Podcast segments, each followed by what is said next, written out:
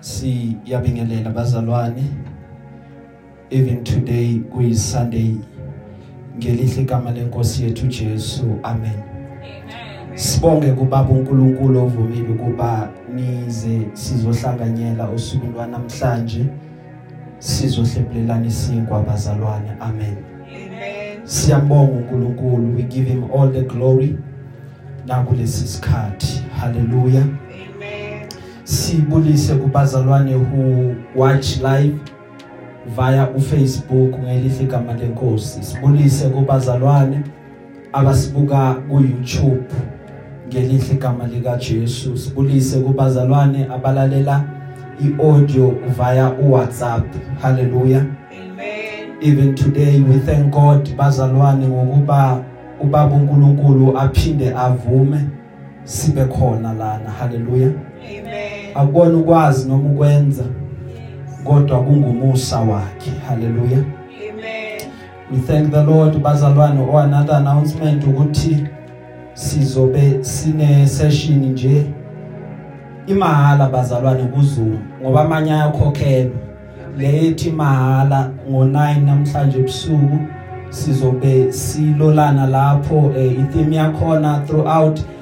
Of these sessions noma igama layo it's iron sharpens iron. Sizobe sikhuluma lapho ikhona ipassword there is a, a poster ku Facebook ine password yokungena khona and then ine login ID or there's an ID okuyi number and then ngaphasi kune password hallelujah. Amen. yokungena khona namhlanje bazalwane. Amen. Hallelujah. singajabula uma singadibana futhi khona bazalwane sizololana nje. Hallelujah. Sikhaliphisane so that we might be able to face life together because the fact or the truth of the matter is siyadingana empilweni. Hallelujah.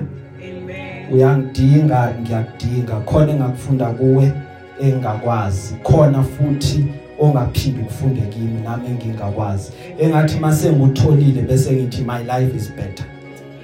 Praise the lord. Amen. during the week ngisakhuleka ukuba namhlanje sabelani ngani. Inkosi yabeka lo milayezo enhlizweni yami. Kwaba kuhle kimi ukuba sizokwabelana ngawo namhlanje bazalwane. Amen. Ukufunda kwethu sifunda incwadi kaExodus. Exodus ichapter 3 iverse eka 14 praise the lord. Amen. we are reading the book of departure. Incwadi kaExodus chapter 3 iverse eka 14 hallelujah. Amen. lithi iBhayibheli God then said to Moses I am who I am. This is what you are to say to the Israelites. I am has sent me to you. Siyaphinda God said to Moses I am who I am. This is what you are to say to the Israelites. I am has sent me to you. Sizovala namehlo bazalwane. Sicela ukuthi umzala sikhulekele sisangene ezweni.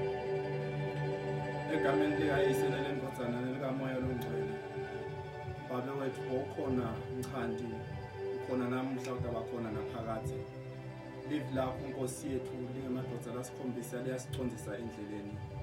Ngegama likajesu kristu wasenazaretha babe siyadehlisa phambi kobuso bakho kulesi sikhathi. Sithi wena nkosi yethu phakama wena ngwenyama yemndeni kajuda.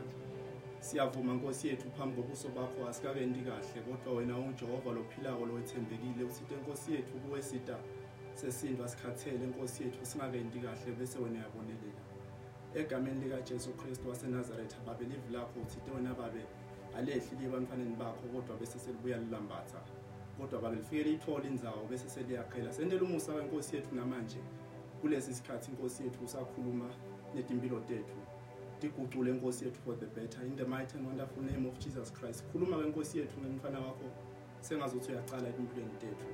Khuluma kwenkosi yethu nemntwana wakho. Sengazuthi awukase ukukhulume kule nto ngegama likaJesu Kristu waseNazaretha babe sicela konke lokhu babe ngoba siyakholwa ukuthi wena babe ungijehova ungaba usezulwini.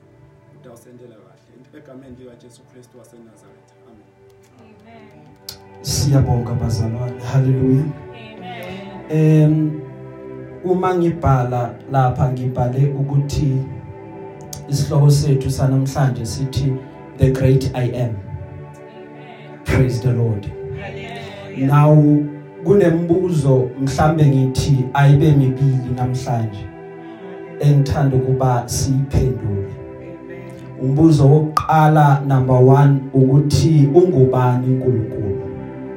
Praise the lord. Amen. number 2 ukuthi umbuzo lo obuzwa abantu abaningi othi lo mbuzo uNkulunkulu ebuNkulunkulweni bakhe uNkulunkulu emandleni akhe.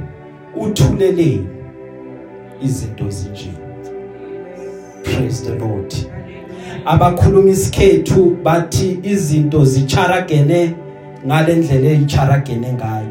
Izinto zihlangene ngalendlela ezihlangene ngayo. Why as much as we have faith in him but it seems as if uNkulunkulu akaphenduli. uNkulunkulu it seems as if uthulile. Praise the lord Amen. because i know ukuthi abanye babantu they have that question ukuthi why are things happening ngalendlela e- ezenzeka ngayo now uma uunderstand umbuzo number 1 you will be able to understand ukuthi unumber 2 wenzeka kanjani praise the lord Amen. umbuzo number 1 uthi ungubani Yes. And then unumber 2 uthi uthuleleni Hallelujah. now for you to understand ku number 2 kumele uqale uunderstand number 1 Amen. and then once you understand number 1 ukuthi who he is then you understand number 2 ukuthi uthuleleni in order for you to understand unumber 2 you need to understand unumber 1 in order for you to understand number 1 you need to understand number 2 Hallelujah. Amen bazalwane Amen. praise the lord Amen. now lithi ke iBhayibheli la sifunda khona uNkulunkulu wakhuluma noMoses wathi kuMose Mose nginguye enginguye wathi kuMoses uza kusho njalo kubantwana bakwaIsrayeli uthi ungikhona nguyena lo omthumileyo Amen. Uma silifunda iBhayibheli from phezulu sehlanalo lithi iBhayibheli uma likhuluma uMose uyahamba uya ehlane. Uma afika uMose ehlane lithi iBhayibheli uze nje uzolusa. Uza ungumalusi uzolusa izimvu zakamkhwe wakhe uJethro uma efika ubona isihlahla now mind you uMose akaqali ukuthi asibone lesi sihlahla. Ufika la lesi sihlahla sasikade sikhona. Now uma efika umangele ukuthi awu namhlanje siyavutha because uMoses has seen ihlahla ezivuthayo before and they never drew any attention to him. Ingani ingoba zazikade zivutha bese ziyaphela. Kodwa lesi sivutha ngendlela ehlukile uyasibuka uMose lesi sihlahla uthi sizophela isihlahla isihlahla siphele Amen. And then lokho wathi draw his attention closer to the tree. Uma sondela esihlahleni lithi iBhayibheli efuna ukubona ukuthi kungani isihlahla uvutha kodwa ungapheli. Yini lento ekwenza ukuba ilangabi lakho libe likhulu kodwa linganqamuki? And nawe ulokuvutha nje and futhi uloko awupheli ulokuqhubeke njalo. Lithi iBhayibheli uma esondela wezwa izwi. Izwe lithi kuye Moses ungasondeli even closer than la ukhona manje ngoba le ndawo osumi kuyo yindawo engcwele. Amen. njengoba kuyindawo engcwele khumula izicathulo zakho. Why? Because ume endaweni that is holy ground. And the question could come ukuthi how is it a holy ground if bekade ngindlula la izolo and no one was here to declare this place as indawo engcwele? Isingcwele ngoba sekukhona ubukhona bakaNkuluNkulu ngoba endaweni nendawo la ekhona yena uyafika ayingcwalise leyo ndawo bese ibangcwele ngobani? Ngoba isuke imumethe noma iphethe ubukhona bakaNkuluNkulu Amen. then bese uNkulunkulu uqala uyazethula kuye athi I am your God nginguNkulunkulu wawoyihlo nginkulunkulu kaAbraham ngiunkulunkulu kaIsaka ngiunkulunkulu kaJakob praise the Lord Amen. and and at the same time I am your God Moses now ngifuna ukuba uhambe ngiyakuthuma ukuthi go to Egypt. Uyokhulula abantwana bami Amen. because kunento eyenzeke eGibhithe eGibhithe bathuma behleli bathuswa ukuthi uIsrael ngathi unalento ayiphethe abangayiqondi ukuthi kahle kahle iyini bese bathi asimhluphu Israel uma beqala bemhlupha uIsrael bahlupha abantwana bakaNkuluNkulu. Uma beqala bebahlupha bebasebenzisa kanzima. Lithi iBhayibheli baqala banda kakhulu kunaseqaleni ngoba each and every time kuza izinto zizosihlupha by right vela zizelanga ukuthi zizosibulala but zizela ukuthi zizokhuphula amandla ethu zizokwandisa izikhwepha zethu. Because inkinga bazalwane akuyona into enamandla ukuthi ikulahle phansi but into enamandla ukuthi ikulahle phansi ukuthi inkinga ngenkathi ifika uye wayibuka noma wayiaddressa kanjani. But if uzothi lenkinga ngiyayidinga ukuze ngizothi move into the next level.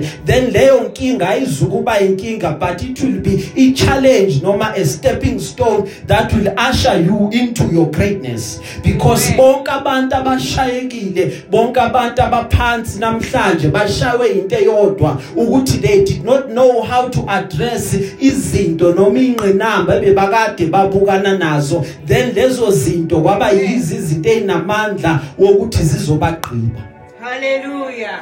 praise the lord Amen. Now lithi iBhayibheli babahlupha. Uma bemhlupha uIsrael kanti uyanda. Uma bemhlupha uIsrael kanti amandla akhe ayakhula benza ukuthi abe more and more emandleni kanye nasenkazimulweni. Kodwa lithi iBhayibheli ngenkathi uIsrael eqhubeka ehlushwa wahamba eyedwe engabonwa umuntu wathuma efika ekhoneni lakhe la ayivalele khona wayokhala kuNkulunkulu. Wathi koze kube nini? Sihlupheka kangaka koze kube nini? Sithwele kangaka wabubula phambi kwaNkulunkulu yethu uNkulunkulu enganabo ubudlelwane naye noma angamazi. Why? Because the only person who had ubudlelwane noNkulunkulu was their forefathers and not them. Now lithi iBhayibheli the more bekhala the more bebubula ngesimanga senqindezi noma ukucindezelwa izulu kanti liyezwa. Ngoba each and every time bazalwane uma silila enkosini uNkulunkulu uyakuzwa ukukhala kwethu. Lithi iBhayibheli uyayikhongozela inyembezi zethu so that zingaweli phansi kodwa ifinyelele kuye. Ngoba uNkulunkulu uma esibuka thina siyinhlamvu yeso lakhe. Praise the lord. Amen. Now lithi iBhayibheli umekhala kuNkulunkulu wezwa uNkulunkulu umezokhuluma noMose. Wathi Moses ngizwile ukukhala kwabo ngibonile Moses ukuhlupheka kwabo ukuthi la bahleli khona abasahlelanga kamnandi. Then he remembered isivumelwane sakhe noAbraham ukuthi abantwana bakhe laba bayozalwa I will make them into a great nation and you cannot become a great nation ngaphandle kokuthi ube nendawo that you call your own okungeyakho. Wathi there is a place engilungisele bona lelo zwe lelo ligobhoza ubisi kanye noju lwezinyosi. Manje kukhona abantu abahlala khona but ngisingehlile Moses because ngizwe ukukhala kwabo. The more we cry unto God bazalwane uNkulunkulu uyakuzwa semazulwini bese uyehla uJehova azosikhulula ecindezelweni kwethu. Ekushayekweni kwethu nasekuguleni kwethu. uNkulunkulu akathulanga ngoba engezwa uyezwa uNkulunkulu usalalela ukukhala kwethu. Let us not lose i hope or courage. Let us keep on crying unto God because at the right and appointed time uNkulunkulu will come down bese azosikhulula. Akuyena uNkulunkulu othula ngathi akezwa. uNkulunkulu onezindlebe zokuzwa. Lithi iBhayibheli wathi Moses I'm sending you ukuthi go into Egypt uma ufika eGibhithe. Set ufike uzobakhulula set them free and deliver them. Uma ufika wena Moses you will be their deliverer. Amen. praise the lord. Hallelujah. then uMose waba neproblem eyodwa ukuthi okay uNkulunkulu ngiyakuzwa ukuthi you have called me to come and deliver them. Now now i have a problem Jehovah ukuthi ngiyofika khona ngithi ngithunywe ubani? Because lento yokuthi ngiyakuzwa ukuthi uNkulunkulu kaAbraham Isaka eh, uJakobe ngiyayizwa but eh, ayizwakali kahle. uNkulunkulu izangikwenzela isibonelo. Mina ngiwuMoses lezimve engilusile zakababazala wami uJethro unamadodakazi amabili. Manje Nkosi mangifika bayothi ungubani lo uNkulunkulu angifuni ukufika lapha ngiyorepresenta uNkulunkulu that I cannot even account ukuthi ungubani. Angifuni ukufika lapha ngiyokhuluma ngomuntu engingamazi. The bible says Hallelujah. la sifunda khona wathi Mose mawufika fike lapha uthi ungikhona Amen. ungithumile Jesus. Mose nginguye Hallelujah. enginguye Jesus. wathi Mose ngicela uphinde Jehova uthi- uthi ubani Hallelujah. Mose lalela ngiwungikhona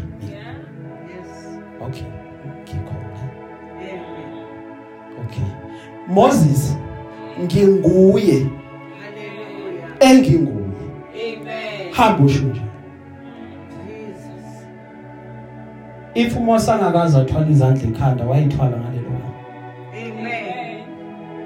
because uma ukhuluma that statement it's somehow confusing Amen.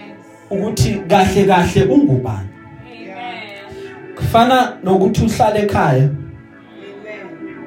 Bese uyakhiya ngabo 7 mhlambe sekuyaqala kuba mnyama nonke nilani phelele khiya endlini khohle ukhiya igate. Kube khona umuntu ongenayo. Makunomuntu ongenayo afika nokho emnyango. Athi knock knock.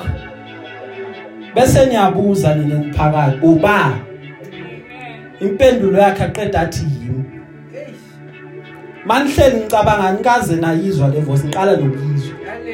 Sizathi uye uba so i just want to show you ukuthi who is god. By virtue of definition uNkulunkulu is a supreme being. Ekukholelwa esikholelwa ukuthi wenza izulu wenza umhlaba. Unamandla angaphezulu wonke amanye amandla abantu abakhona emhlabeni. Nguyena esimdumisayo. Because to us uyikho konke kukho konke. Praise the lord. Hallelujah. that is god. God says to moses i am that i am. What does this statement mean? Lesi sitatimende kunamagama amathathu uJehova avela ngawo. Lawo magama aveza ukuphelela kwakhe. Uma uma sichaza le ndaba sithi is the omni of god. Hallelujah. okokuqala unguJehova omnipotent. Lokho kusho ukuthi unguNkulunkulu onamandla okwazi ukwenza konke.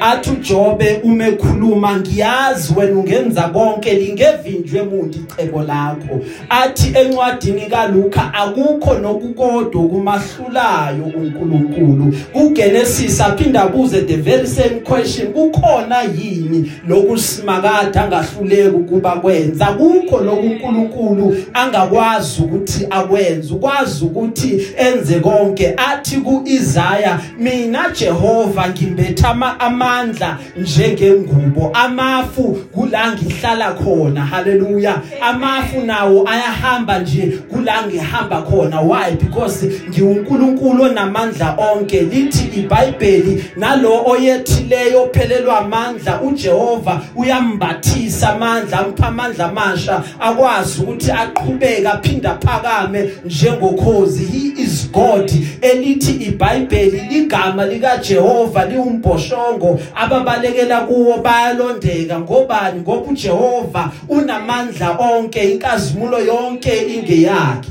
Hallelujah. Jehova omnipotent Amen. azoba uJehova omniscient Amen. lokho kusho ukuthi uJehova owazi konke Hallelujah.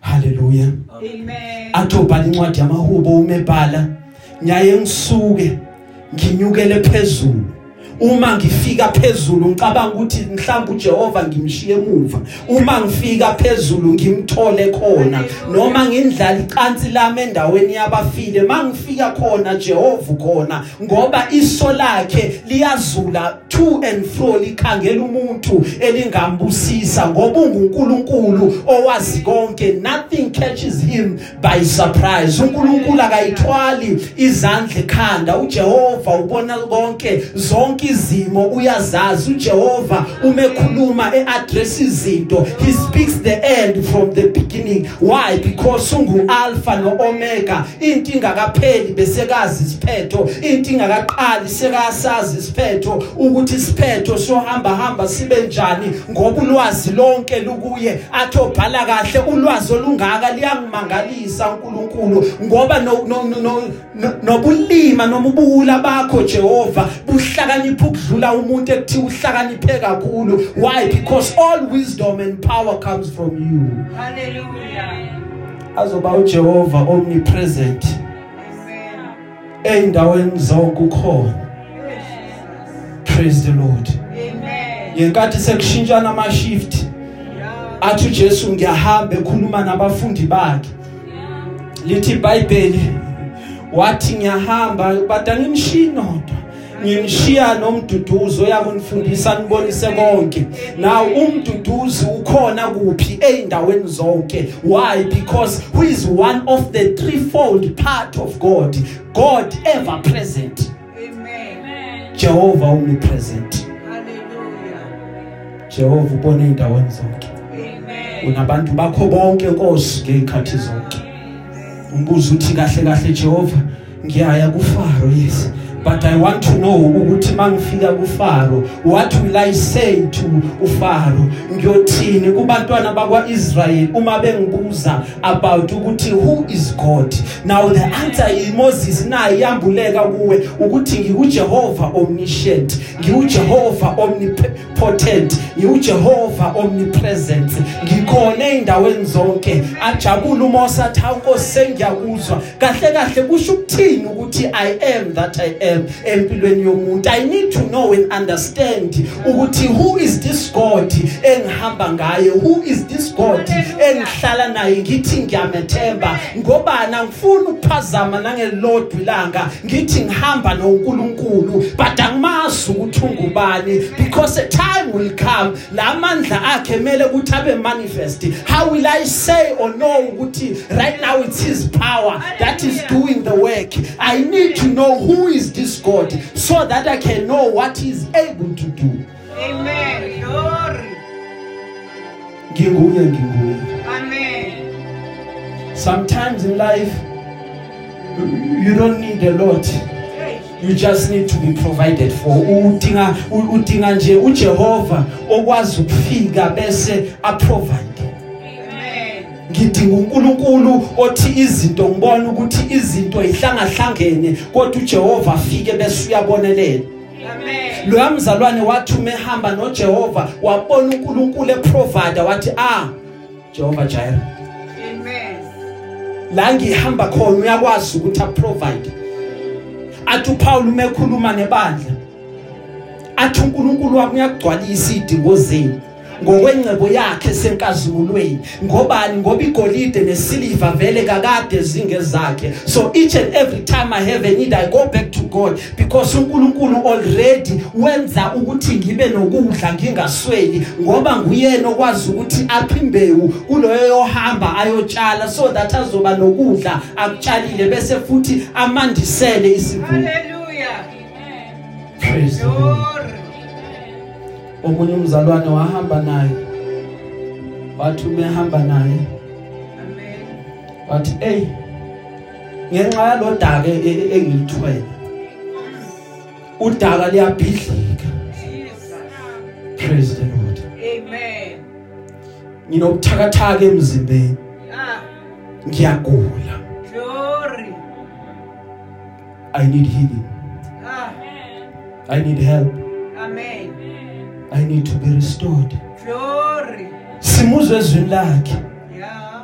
lithi iBhayibheli unguNkulunkulu owelapha zonke izifo zethu Yeah. unguNkulunkulu owelapha zonke izilonda zethu okusho ukuthi ukugula noma sekuhlala iminyaka uyafika yena bese azophilisa ngobani ngoba unguJehova Rafa Amen. unguNkulunkulu ophilisayo Amen. praise the Lord Glory. There is something that we cannot get from other places. There's something that we only get from being with God. Ungaba nayo incebo yonke ihlali beyiningi, ungasebenza umsebenzi wamaphupho akho, uhlale ekhaya lekhaya la lamaphupho akho, othi mawu hleli phezulu ubukela abantu from ibalcony kodwa ushode nganayo into nayo ibe yona Ah, ngabi nokuthula Glory. Uyibuka imoto ubuke yonke imaterial onayo but ubone ukuthi kunento enganayo only comes from God. Sometimes ungaswela izinto ubone ukuthi right now kunezinto enganazo kunezinto engidinga kodwa ube nayo lento. Hey. Bathi abantu mabakubona wanama kangaka wajabula kangaka zikuhambela kahle yini uthi chabo ingoba khona lokho enginakho Glory. hawu akuthengwa ngamani Hey. awutholi noma ngayikubo Oh, Jesus. bathi yini lonayo uthi i have peace peace that surpasses all understanding Amen. ukuthula okudlula konke ukuqonda Yeah. Then umbuzo uthi ukuthathephi Yeah. ngikuthole from uJehova Shalom Amen. because he is God our peace Amen. so when i need peace he is my peace Yeah. noma izinto engabukeka zizimbi kangakanani noma ngithi ngizama lokho yakuhluleke ngithi ngizama lokho yakuhluleke but still ngaphakathi kwami my hope is revived why because i have peace Yeah. Amen. from Jehovah Shalom Hallelujah. praise the lord Amen. Lab- laba bazalwane bahamba naye. Bese bamphala amagama praise the lord. Amen. ngobani? Ngoba bambona uNkulunkulu. Yeah. obonelelayo. Yeah. aba uNkulunkulu wezimo that need him to be God. Because izimo esithola siphakathi kwazo. Ziyahluka Hey. now uma sihambe naye to wherever la siya khona we need to see him. Aba uNkulunkulu okwazi ukuthi anele kuleso simo. It might be difficult emehlweni ethu but kuye it should be isimo athi uma esibuka kube isimo esimanele. Why? Because inkosi Jesus or the Lord Amen. is enough Hallelujah. praise the Lord Amen. uyikho konke kuko konke Amen. kwizona zonke izimo he is enough uma unaye awusweli awuphuli lutho Amen. ngobani ngoba yena ukhona Hallelujah. mayibongwe imvana Amen. praise the lord Hallelujah. now uthi Mose sengiyaqonda Amen. Hallelujah. ukuthi ngubani? Amen. because he said I understand ukuthi who you are. Ngiya understand ukuthi kahle kahle uNkulunkulu uthi kimi. Kwizona zonke izimo engudinga kuzo uyafika ufike ugamanxe unele uthi fit uthi xaxa. Amen. kufane nomuntu othenga ingubo. Athi uma eyigqoka ehamba sithi uma simbuka sithi hayi le yathungelwe emzimbeni wakho. Because ngendlela ekuhlala noma ekufitha ngayo it is the perfect fit. Ayikho inkulu ayikho incane. So uJehova uma efikile ufika angene agamanga Hallelujah. aphelele kwilezo zimo that is why when you have him kahle kahle. You have more than enough. Amen. praise the lord. Hallelujah. while while esahamba nalabazalwane Hey. lithi iBhayibheli ubehamba nomunye. Now wafuna ukuthi okay ngifuna singene kwi covenant noma kwisivumelwano uma singena kwisivumelwano kumele ukuthi bese siyafunga. Angithi. Na uma sifunga asikwazi ukuthi sifunge ngokulingana kwethu because leyo agreement will not stand. But iagreement yesifungo ufunga ngalo omdala noma ongaphezulu kwakho. Lithi iBhayibheli uma ekhuluma noAbraham waqale wa- wa- wa- wabheka qala wangamthola angafunga ngaye omkhulu kunaye waqeda wayifunga ngaye ezwini lakhe ngoba yena ungunkulunkulu ongaphezulu kwakona konke uyifunge ngaye ezwini lakhe lithi izwi lakhe akanamanga akafani nabantu Amen. praise the lord Amen. uyifunge ngaye. Lokakushilo ungu- unguqiniso eliphelele lokakushilo it stands for generations to come because ungunkulunkulu onganayo futhi ini injabizo Amen. makabonga uJesu Hallelujah. praise the lord Amen. uthi Mose okay god now i understand i think now i'm ready Yeah. to go nokhuluma kuFaro ukuthi kahle kahle ungubani lo nkulunkulu Hallelujah. uthi mana Mose angaqedi angaqedi Mose because understanding yakho ngiyabona isiyavulela sekunezinto kwazi ukuthi uyiqonde ngokuthi mina ngingubani. Because Moses angakaqedi. Labazalwane laba engikhuluma ngabo kahle kahle abazalwane abahambe noNkulunkulu eTestamentini elidala. Bahambe naMose from the Old Testament.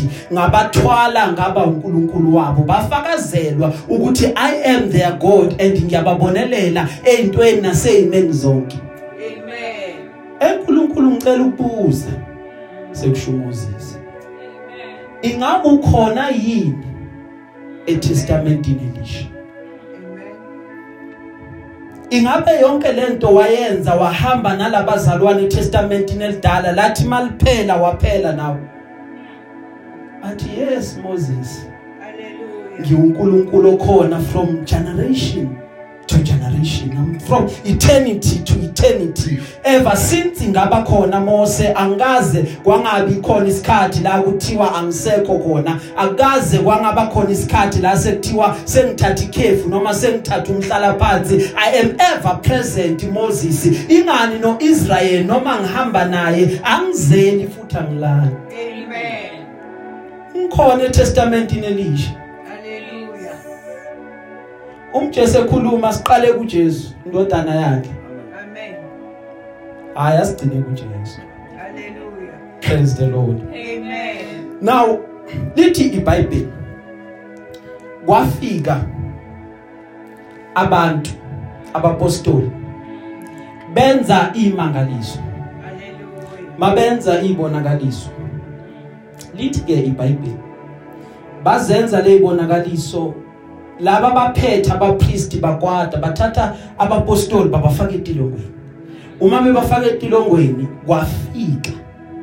Ingelosi yazobakhulula yathi hambani esinagogweni oshumayela bafike esinagogweni bashumayela Amen. why besashumayela lithi iBhayibheli bafika futhi abafarisi. Bathi no labantu laba fanele sibasuse lana siqede ngabo yabona sibabisele ejele nani nani bathi basaba ngoba kugcwele abantu abaningi. Bathi asikwazi ukuyenza lento manje senze njani? Because sisidinga ukuthi bayeke ukukhuluma ngale gama uyigama lika Jesu. Ukuthi uJesu uyasindisa uJesu uyaphilisa so sidinga ukuthi bayeke. Kuba khona indoda evukayo. Lithi iBhayibheli mawulifunda igama layo uGamaliel uGamaliel uza newisdom ngoba uyisazi imithetho ungomunye wabo. Uthi kubo madoda akwaIsrayeli laba bantu okufanele kuba kwenzeke inhliziyo yenu mayingahlali kubo kakhulu. Ningabi so focused ekufuneni ukuba silence noma ukubathulisa.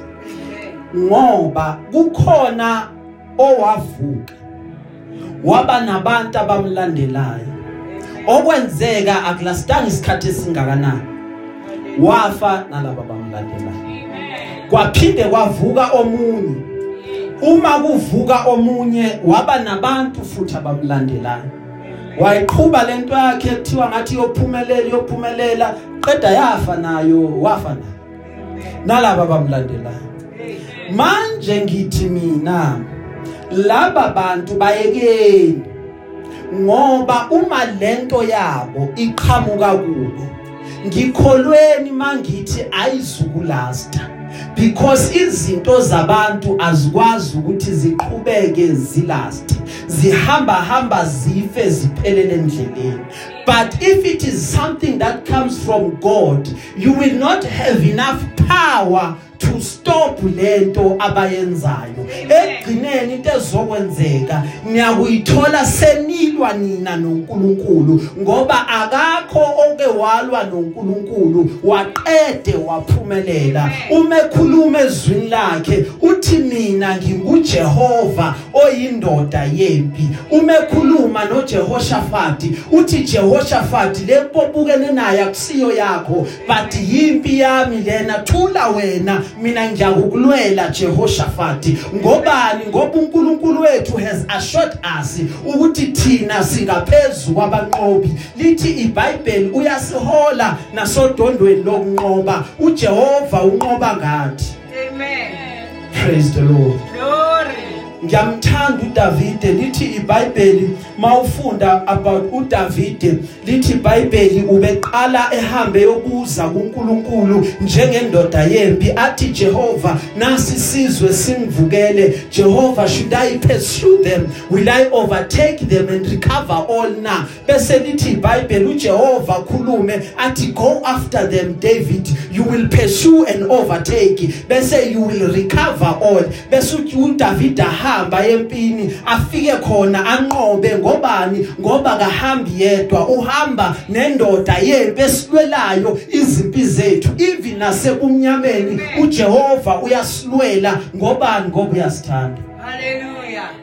praise the lord Amen. that's why impi akusiyo yakho Yeah. ungaboyilwela Amen. vumela uJehova Hallelujah. akulwela Amen. athi oh. Ngiyabona uNkulunkulu Yeah. ukuthi kanti ukhona. Amen. nasetestamentini elisha. Amen. athi yes ukhona ndodana yami. But angaqedi. Mm. kunendoda. Lapha etestamentini elisha. Igama lale ndoda uPaul Mm. lithi iBhayibheli wahamba wafika eAthens. Uma efike eAthens uPaul Amen.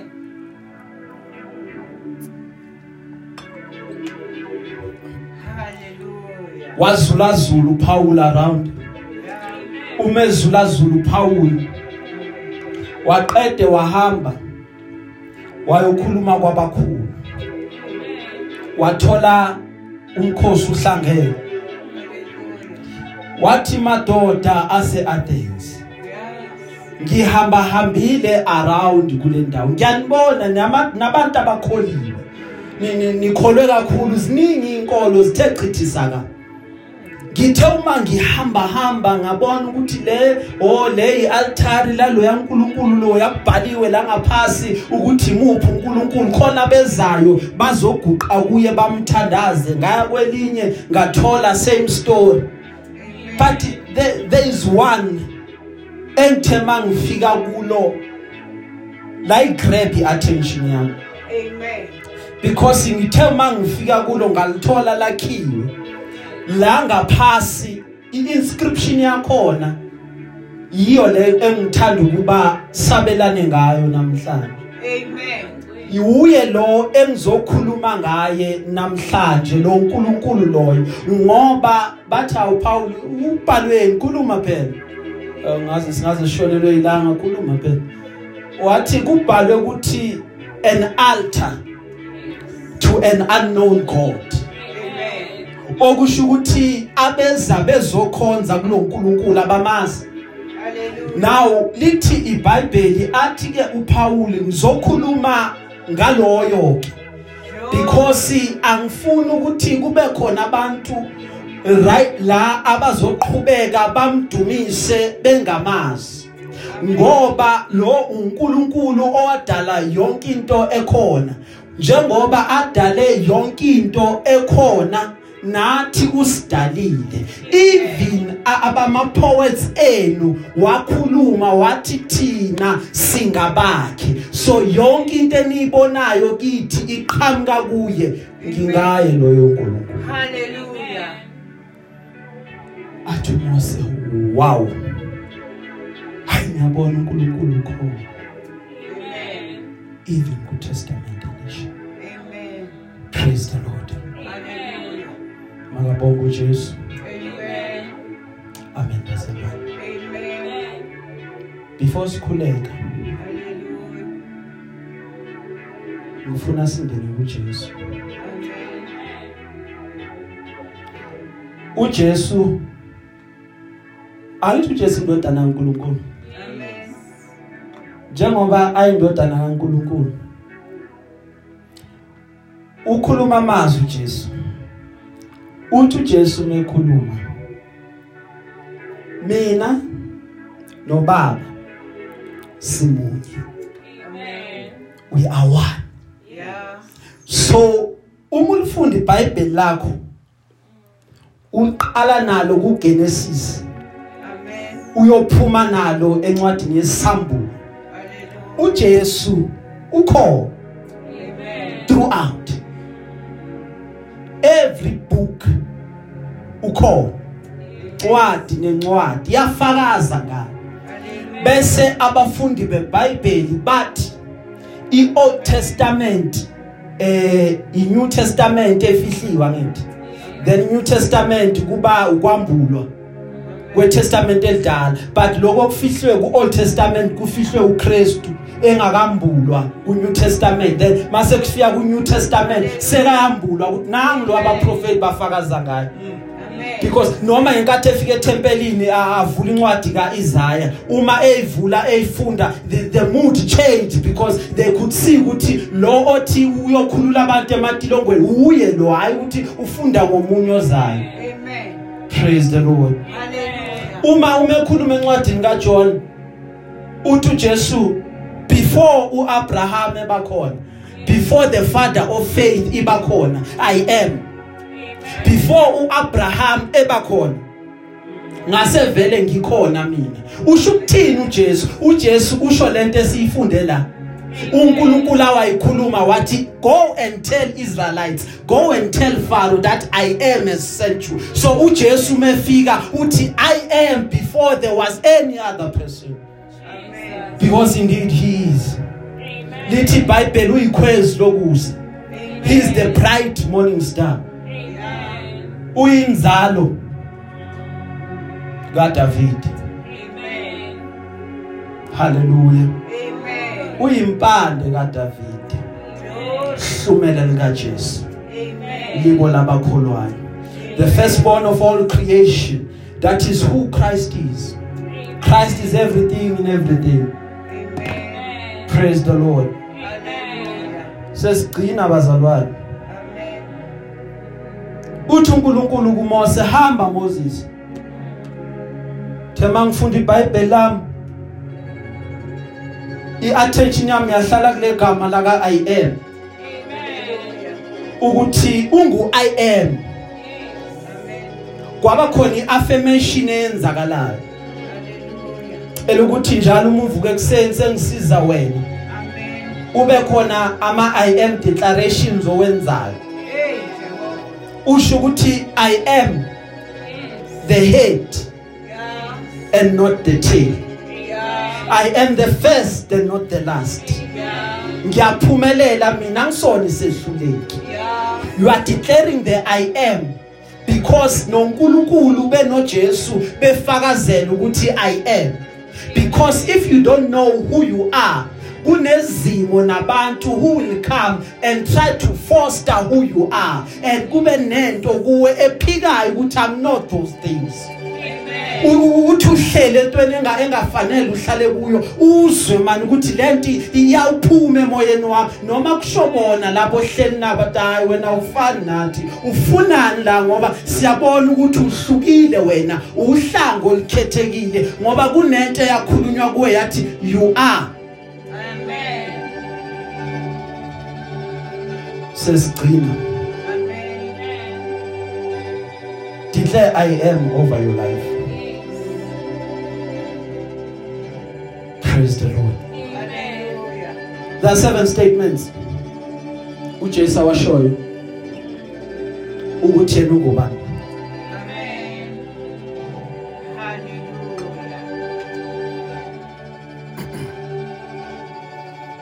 Number 1 uthi uJesu I am the bread of life.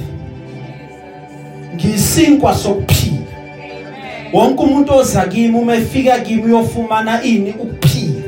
Yenkathi uIsrael ehamba ehlane enganakudla ekhala kuMose athi Moses silambile. Lithi iBhayibheli uNkulunkulu into awayenza wabehlisela isinkwa because ebanikeza indodana yakhe so that izokwazi ukuthi ba sustain ngenkathi besahamba ehlane. Ngiyayithanda incwadi eseBhayibhelini. La uKristu ekhuluma khona elithi iBhayibheli kwathi uma behamba ehlane idwala abaphuza kulo ehlane lahamba nabo indlela yonke lelo dwala lalikade linguKristu Amen. Jesus Hallelujah. is the bread of life Glory. uthi I am the bread Yeah. umudle mina you will be sustained. Uthi kusathana umuntu akaphili kuphela ngesiko Amen. but nangamazwi avela kuNkulunkulu Amen. number 2 uthi i am the light of the world athi ubancwadi amahubo izwi lakho endleleni yami liyisibani Amen. liwukhanya la fanele ngihambe khona. Afike ulizwi uma sefikile angithi John chapter 1 lithi iBhayibheli eqaleni ubekhona ulizwi wafika wazokwambulwa waba umuntu waphila wembatha amathambo ulizwi uma sephila ulizwi simuzwa athi ngiukhanya Amen. oza kimi kahambe kumnyameni Amen. number 3 Jesus. at I'm the door of the sheep. Ngiyisango lezimvu. Izimvu mayifike kimi ziyayithola indawo yokungena. Awukwazi ukuthi ungene ungadlulanga eminyango la singena khona uthi uma ekhuluma athi ongangeni ngesango ungumphangi neselelesi. Amen. praise the lord. Hallelujah. njengesango lezimvu uyabavikela okuyizimvu zakhe. Praise the lord. Amen. ngizokhumbula nini last of last week or nina ngisazi besikhuluma ngoNkulunkulu eh ewumaluso omuhle wezimvu praise the lord Amen. because ungumalusi aphinda ube yisango la izimvu zingena khona Amen. praise the lord makufika omuba azohlasela uJesu ubeka ukuphila kwakhe kuqala ukuthi rather kufe mina kunokufe laba abangilandelayo Amen. number 4 Glory. Uthi uma ekhuluma at time the resurrection and the life ukufa is not the final destination yaloyo kholwa uNkulunkulu Amen. athi uPaul uma ekhuluma uma siphila siphilela inkosi. Uma sifa sifela inkosi. So konke lokho kwenzakala empilweni zethu kwenzeka ukuba yena afumane udumo. Ngobani? Ngoba yena uyakwazi ukuthi afike avuse nezinto eseyifile avuse nabantu abafile aqeda abaphila bese baba nabo kuyachichima Amen. number 5 uthi i'm the good shepherd the declarations of i am ngiumalusi mina omuhle Amen. nginakekela bonke Hallelujah. abathatha ukuphila kwabo bakubeka kimi Amen. praise the lord Amen. makabongwe Jesu Amen. number 6 lithi iBhayibheli uma uKristu ekhuluma I'm the way the truth and the life Hallelujah. ngindlela neqiniso nokuphila Amen. wonke umuntu ofuna ukuya kubaba udlula la kimi Amen. because why I am Hey. eyokugcina number 7 uthi uma ekhuluma encwadini kaJohane I am the true vine Amen. ngiwumvini oyiwona wona Amen. nina nikamagatsha Yes. wonke okimi uthelithe Amen. awukwazi ukuthela uhlukene nomvini Amen. Praise the lord Hallelujah. hallelujah Amen. uma uNkulunkulu sekasho njalo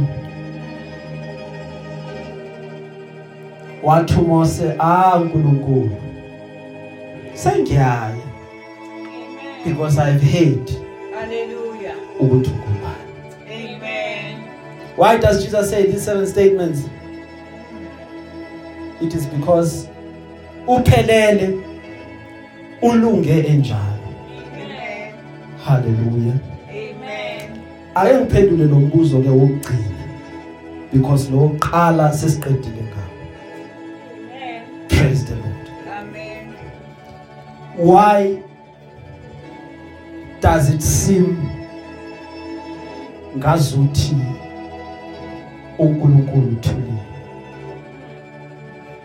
why kubonakala ngazuthi inkosi ayisho lutho praise the lord Amen. the answer is simple Hallelujah. Amen.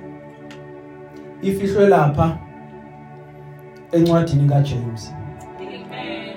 the time umhlaba udalwa the time umuntu aqala welesonweni there was a principle eya violate then there was a principle eya raise because each and every time kunomthetho ophuliwe kufanele ukuthi kube nomthetho ovuswayo. Amen. uhlala eSouth Africa ecountry yokuthi ube a good citizen with a good standing. Uma ungaphuma manje uyontshontsha imoto yabantu. That means you have violated usuphule umthetho. Kumele kube khona umthetho oyovuswa to counteract what you have done.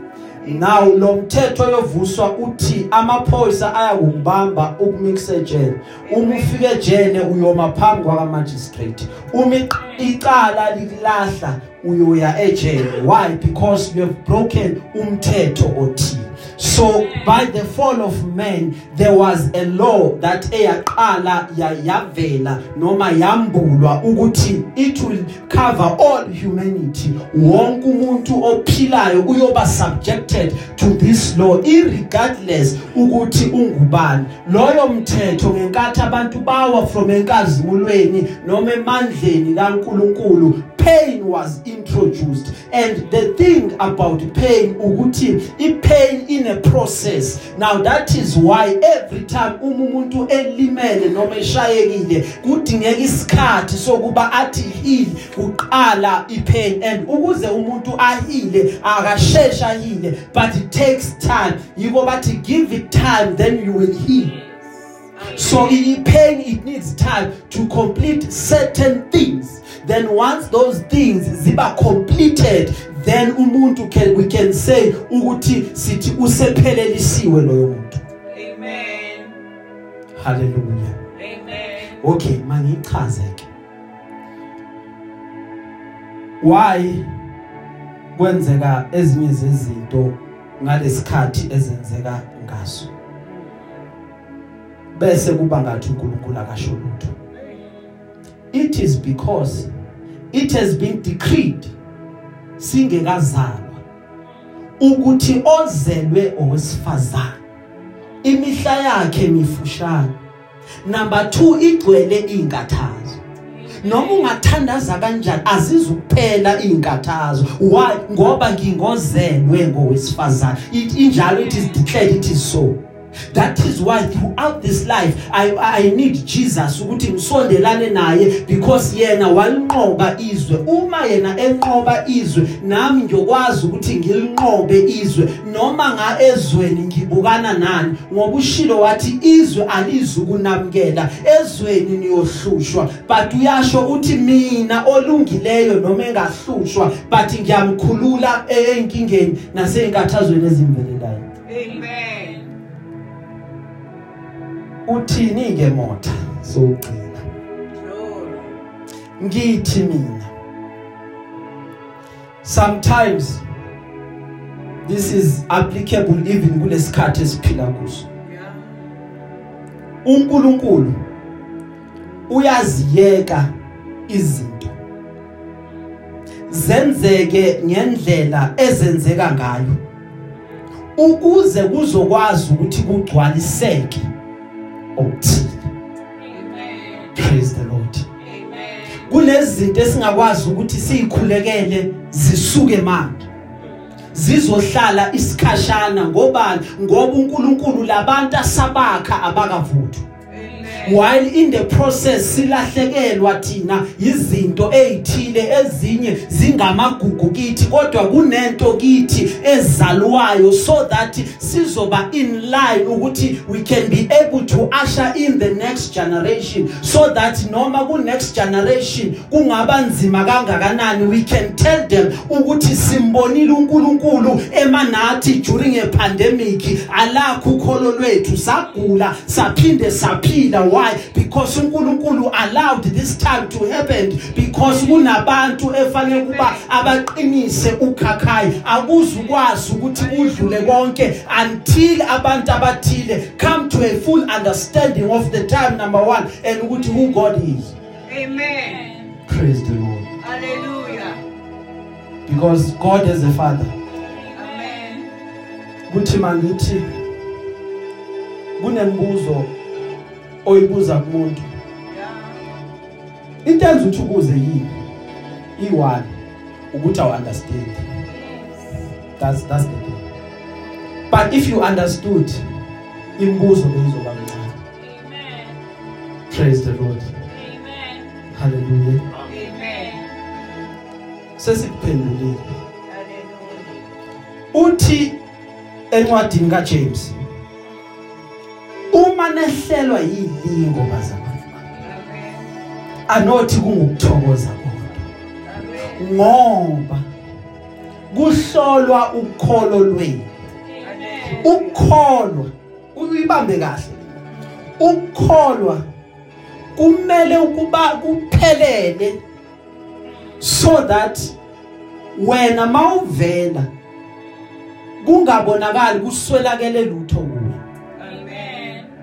Praise the lord Amen. ukukholwa ukubekezela kwakho you need to persevere under trial you persevere you persevere so that when you show up Amen. i am complete Amen. Hallelujah. that is why there are trials uma efika njengalamadoda amathathu if ngabe ngomunye wawo nkathi kuthandazwe hayi mina nabe ngathandaza umthandazo ngathi u- uopposite Amen. baba ngizwile Hallelujah. bathi umlilo basiwe Nkosi Amen. ngiyakuthanda ukukuthanda Jehova Amen. cima Nkosi cima baba Amen. thumela ifire extinguisher yakho ezulu Amen. cima malangabi Hallelujah. Anankinga ukungena ngoba vele decide ukuthi yimo wakho Amen. uwami Amen. mara cima Jehova Hallelujah. haleluya Amen. if ungenwa lapha ngamagama ama alphabet first letter Amen. angizibizi ngale gama lami lokuqala Amen. ngoba kuyosho ukuthi fanele kungene mina kuqala Amen. ngibiza ngale lokugcina bangipha lona angiyazi ngilekugcineni vele Amen. ukuthi siyongena Amen.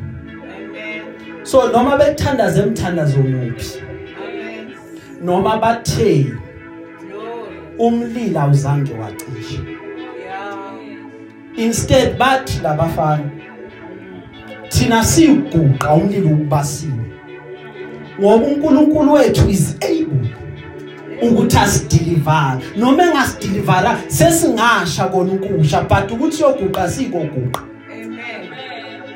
Because they understood ukuthi ukukholwa kwethu yilo kufanele ukuthi sibekezele sihlushwa bayathathwa bafakwe emlilweni. Uma befakwa kufanele kuba umlilo wenze lento yenza kuze kupheleliswe once kuphelelisiwe then they come out bathi here we are we are perfect. Glory.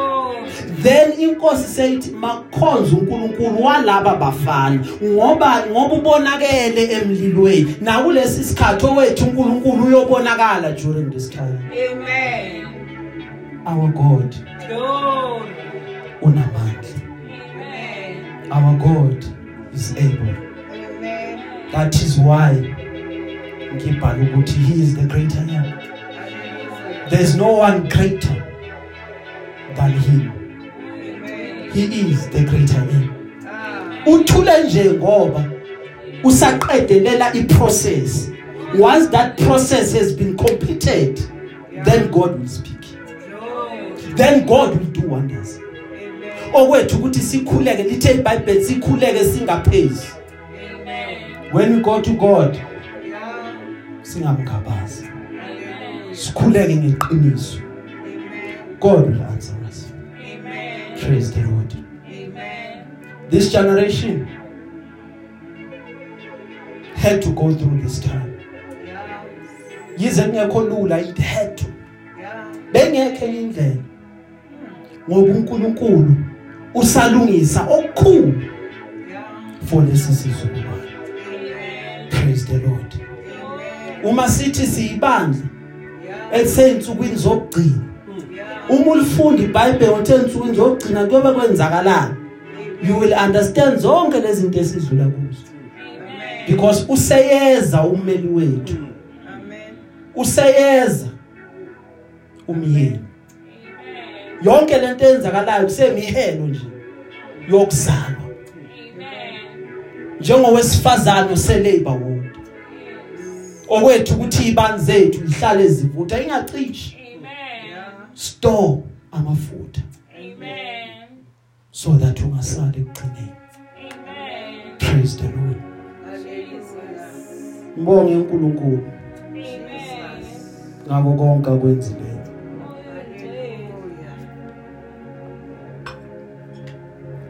Azange ukuthanda kodwa kunento uyiguqulile kuyo. Amen. okunye wakuthanda. We bless the lord for that. Amen. He is god Hallelujah. mawulifunda iBhayibheli there's a verse ethi uNkulunkulu usezulwini wenza noma ngayini ayithandayo Amen. that is the god that we serve Yeah. that is the great I am Hallelujah. praise the lord Amen. isifundo sethu bazalwane Amen. sizophelela la Amen. sibonge ubaba uNkulunkulu Amen. ngendlela akhulume ngayo amen Amen. praise the lord Amen. Ngithanda ukuvala amehlo sikhuleke bazalwane shortly. And then emva kwaloko sesiqedile. Amen. Amen. ngithanda ukukhuleka nalabo abathi ngiyagula. Emzimbeni wami kunobuthakathaka. Elubeka isandla la kubhlungu khona. Sisazokhuleka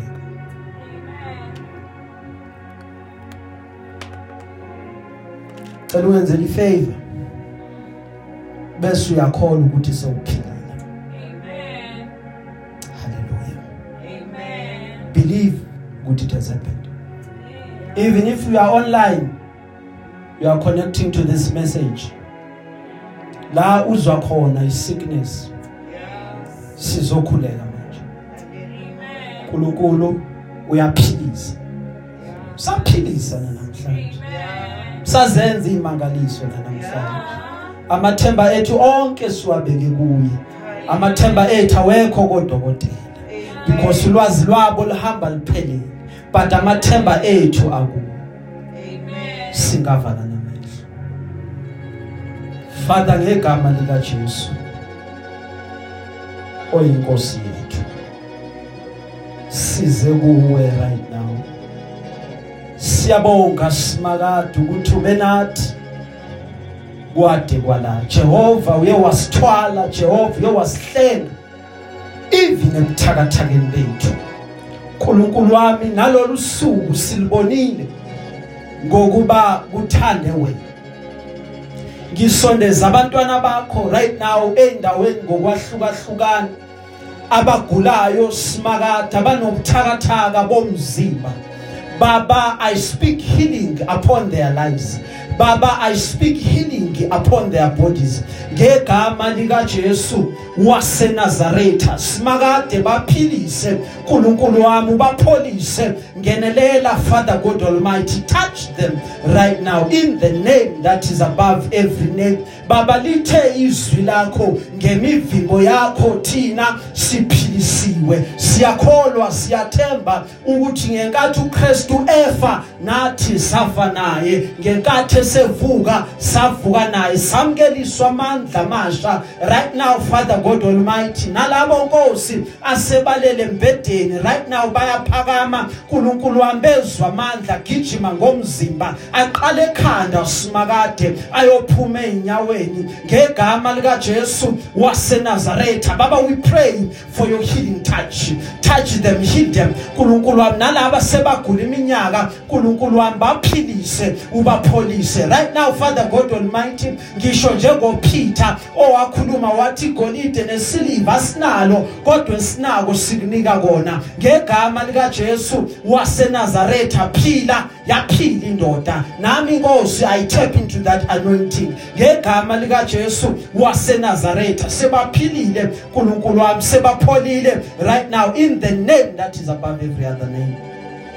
Father we thank you. Lord we give you praise for healing and restoring their bodies. In the name of our lord and savior jesus christ. Nalabo nkosi abangakwazi ukuthula. From today they will feel peace that surpasses all understanding. Sicela lokho ngokukholwa igama elingaphezulu kwawonke amanye amagama. Uthezwini lakho uNkulunkulu wami. Thina sobeka izandla kwabagulayo baphile. Bayaphila nkosi right now.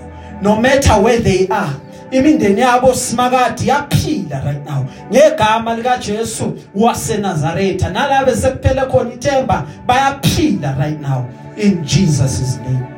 Lord we trust you ukuthi ama miracles awuzange wawavala. Namanje Nkosi usawenza. Do it again Lord in our day. Ukuze kudunyiswe uKristu inkosi ibandla lonke lithi amen.